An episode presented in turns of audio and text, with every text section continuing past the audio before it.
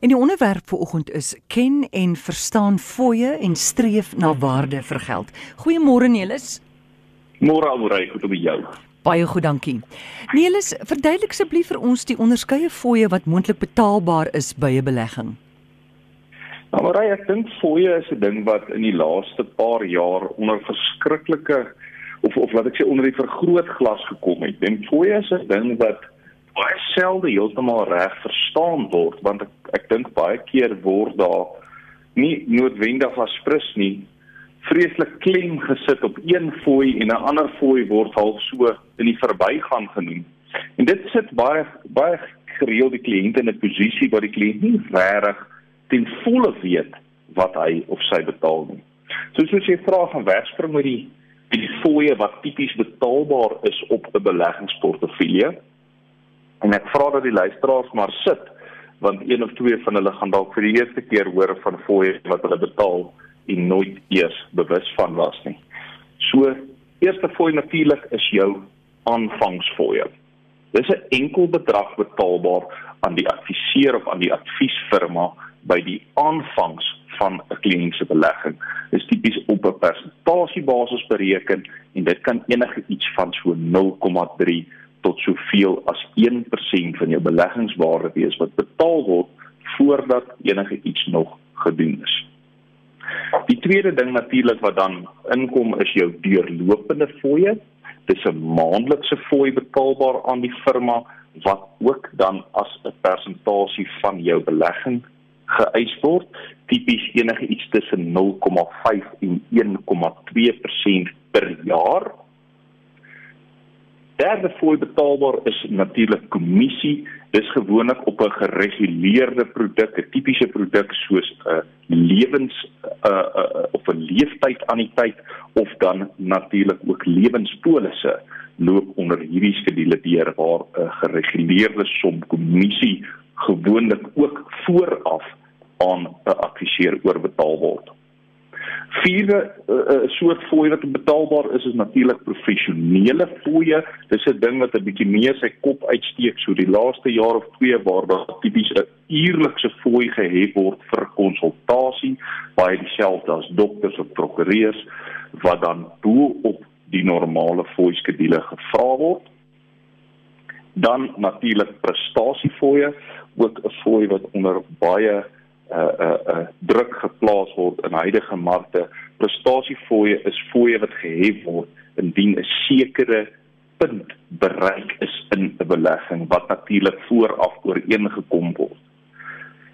Dan natuurlik 'n totale belag beleggingsheffing of hy sal op die beleggingsdokumente onderskryf word as TIC, Engels natuurlik vir total investment charge En hierdie totale beleggingsheffing gaan nie of normaalweg nie aan die adviesfirma nie, maar aan die batebestuurder. Dis tipies die fooie wat betaal word vir die verhandeling van aandele op die JSE en ander markte in die wêreld. Dit word ook nie afgetrek van 'n kliënt se geld af nie, maar word binne in die effekte trust prys ingeplaas. So dis ook 'n tegniese fooi wat verskriklik belangrik is dat die kliënt verstaan waar die fooi betaalbaar is en wat dit is, nee, wat dit kos natuurlik.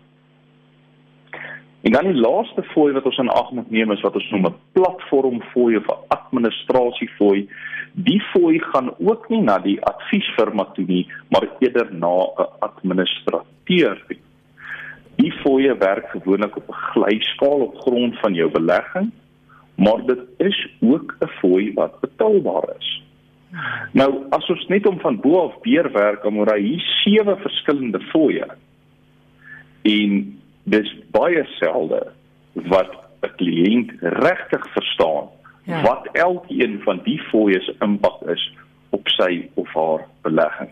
Niels, ek wil jou ietsie vra. Daai aanvangsfooi, nê, nee, die enkel bedrag betaalbaar aan die adviseur by aanvangs van 'n kliënt se belegging jy sê daar dit is die 'n uh, 'n presentasie sê maar van die waarde van daai belegging, maar wat weet hulle dan al as jy daai dag dit mos nou begin.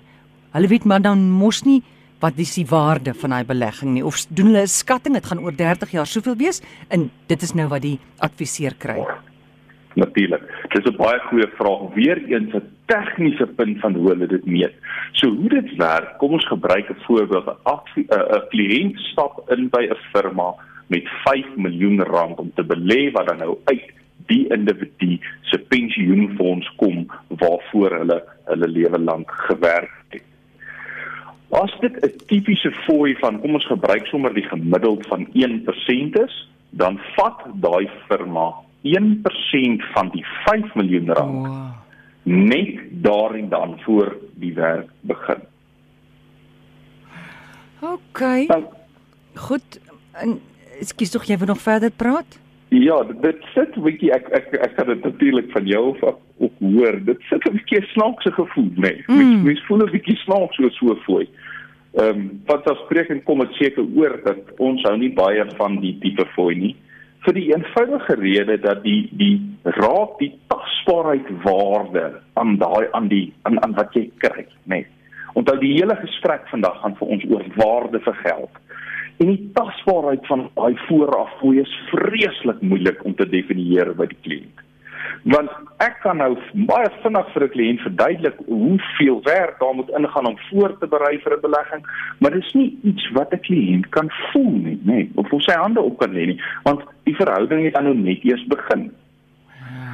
So, dit is dit is dit is 'n snaakse fooi om om om te betaal. Goed. Uh Nelis, nou hoekom kyk beleggers altyd na die laagste moontlike fooie? Dis natuurlik seker die kruks van vandag se gesprek omrei. Ons as mensdom is geleer om te kyk natuurlik vir waar kan ons 'n ding die goedkoopste kry, né? Nee. Hmm. Waar kan ons rand minder betaal vir al in die tye waar die ekonomie 'n bietjie druk en waar uh, regulasies op op op die COVID-19 pandemie dalk maak dat jou besigheid swaarder kry, minder geld maak, is ons meer sensitief vir pryse, nê. Nee, ons wil 'n brood koop vir 'n rand goedkoper, melk koop vir 'n rand goedkoper en as ons 'n paar rand afslag kan kry by die aankoop van 'n nuwe motor of 'n nuwe huis, soveel te beter.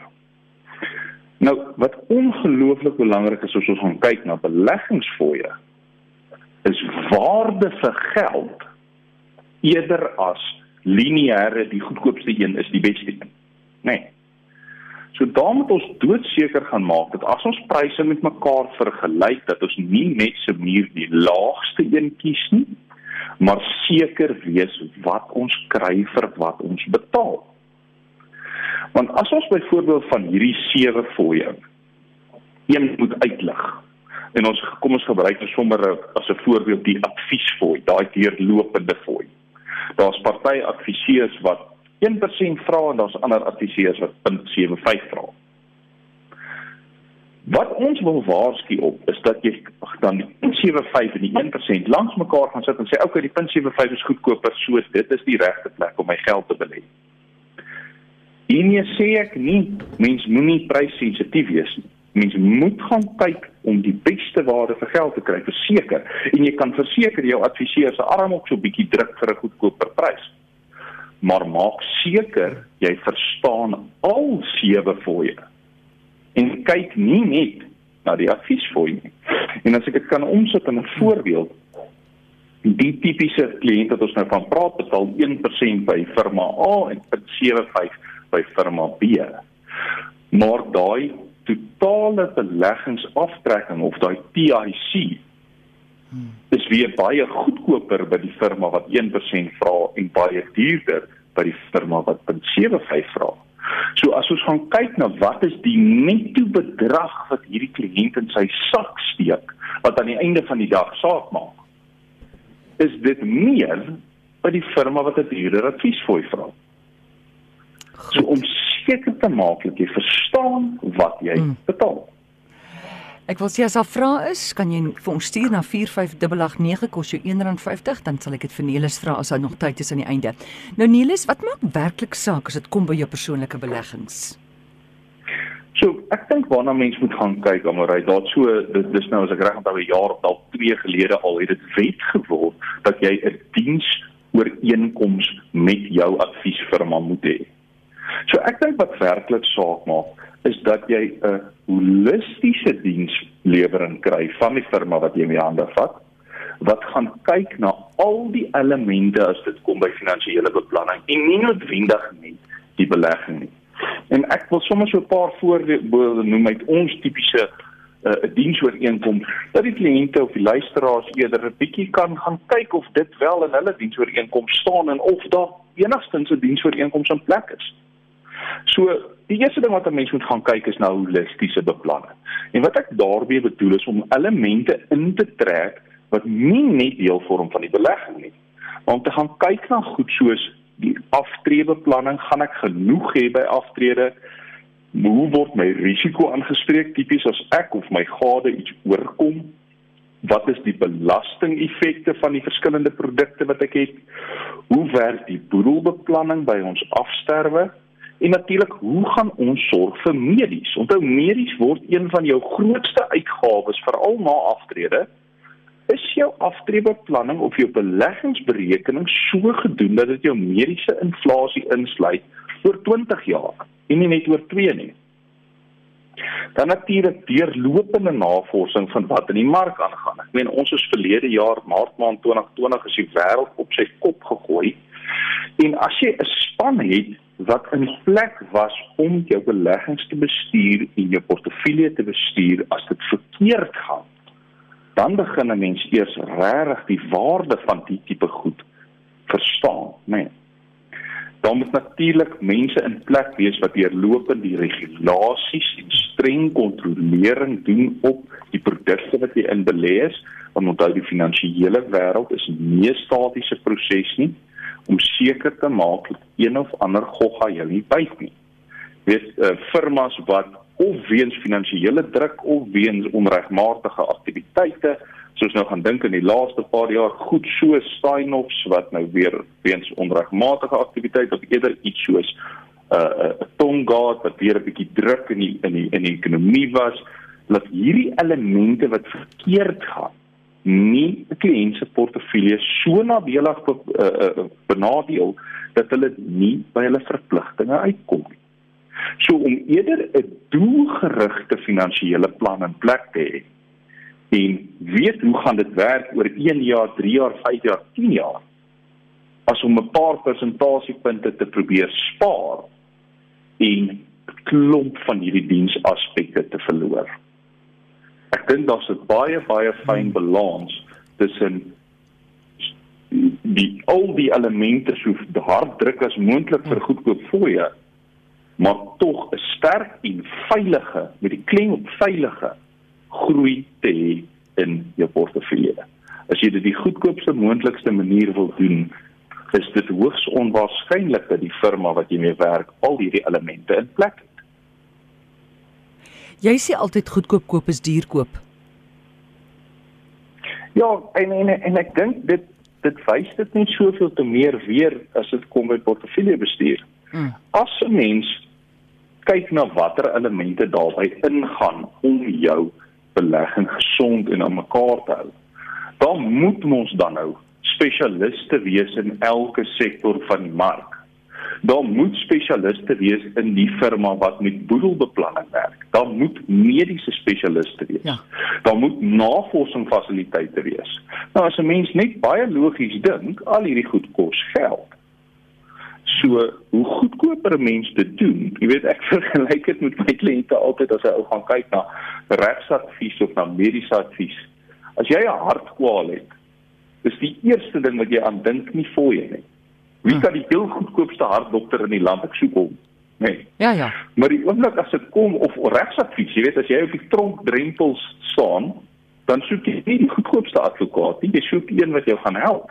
Ja.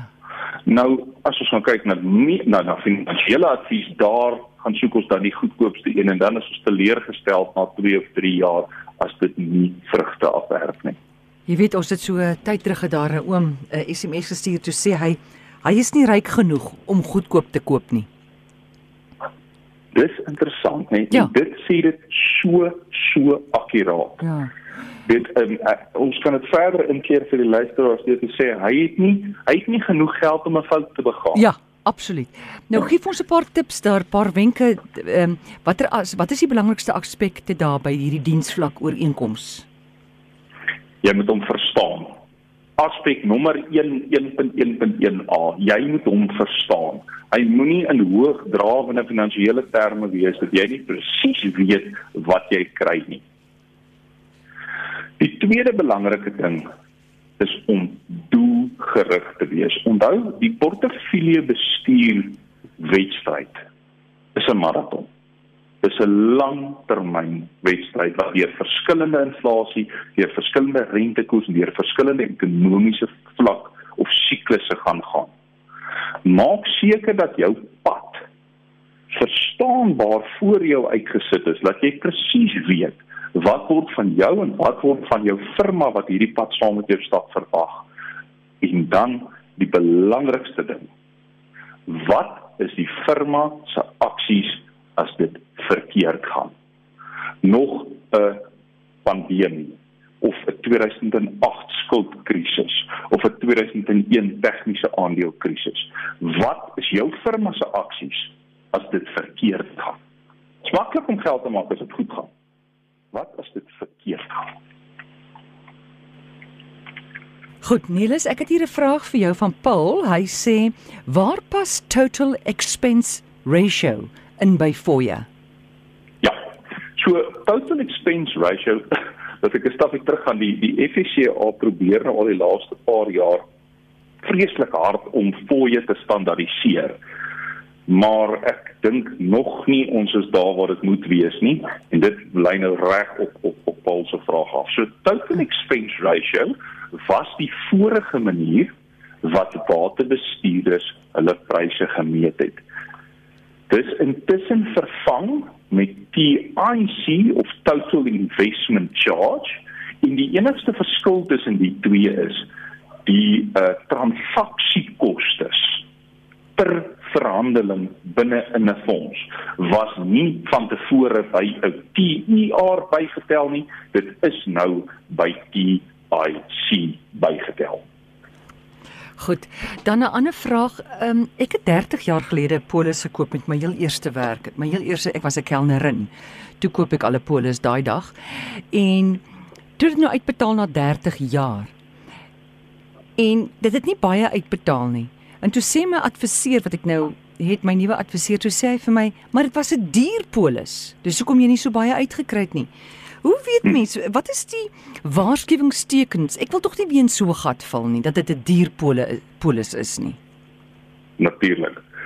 So eerste ding wat ek vir die luisteraar kan sê is uitstekend laat sy vir 30 jaar beplan. Want mense is partymal so bang om die verkeerde ding te koop dat hulle niks doen nie. So hy het nie so baie uitbetaal soos hy gehoop het nie, maar daar's darm iets. Mm die vraag, hoe keer mens dat jy nie in so 'n gat trap nie? Nou wat 'n dierpolis beteken? Kom ons gaan net 'n stapie terug. Dit beteken dat van die opbrengs wat daar gemaak word, het daar 'n baie klein gedeelte in die kliënt se sak opgeëindig. Nou daar's verskillende redes daarvoor. Hoogs waarskynlik in hierdie geval is dit omdat daar 'n groot element kommissie betaalbaar was, sowel as administrasie En in die vroeë jare, ek laat dit klink of dit lank terug is, tot en met omtrent nog 10 jaar terug, was al die fooie vooraf betaal aan die firma van die makelaars hy sou wil kom. En nou moet sy in die afgelope 30 jaar die gat weer toemaak. Wat dit tot effek het, is die mark gee vir jou 7% se groei, 3 3.5 4% gaan aan fooie om daai mark toe te maak nou maak jy slegs 3% uit die mark uit. En almal vertel vir jou maar dit gaan so goed, die mark het dan 7% hmm. gegee, waaroor kla jy? En dit bring dit terug by die kruks van my gesprek. Hoeveel rand sit jy of hoeveel persent sit jy netto in jou sak nadat almal betaal is? So maak eerder seker dat jy 'n adviesspan in plek het wat vir jou die nodige groei uit 'n goeie en 'n slegte mark kan haal eerder as wat jy 'n paar persentasiepunte probeer spaar en so vooruit wil gaan. Goed. Iemand vra ook hier Louise vra sy sê sy het ingekoop by 'n ou, sy het 'n belegging gesit by 'n maatskappy want sy het so baie van die adviseur gehou. Ja. En hy het vir wonderlike wenke gegee, maar hy het nou so gewild geraak dat uh, hy is nou nie meer direk by haar betrokke nie.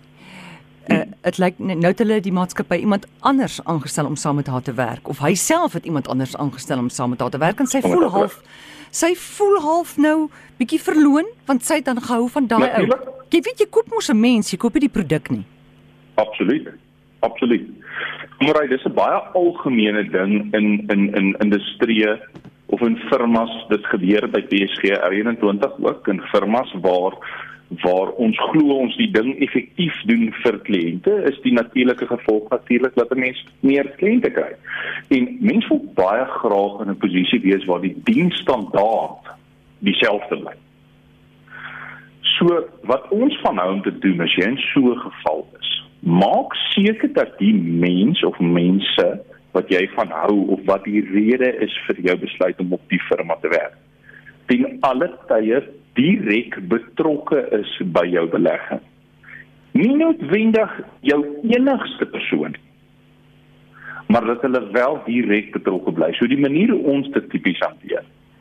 Ek bly direk betrokke by al die kliënte wat by my oorspronklik aangekom het.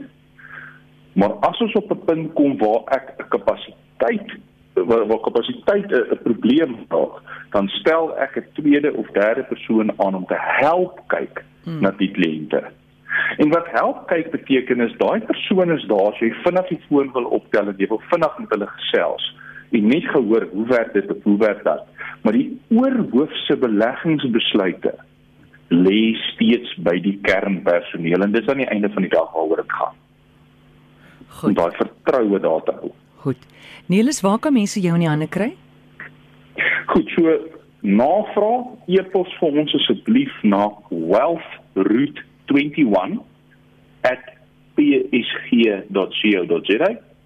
Net weer daai wealthroot21@psg.co.za en ons skakel u gerus terug of dan natuurlik as jy net 'n landlyn oproep wil maak 086 166 2346.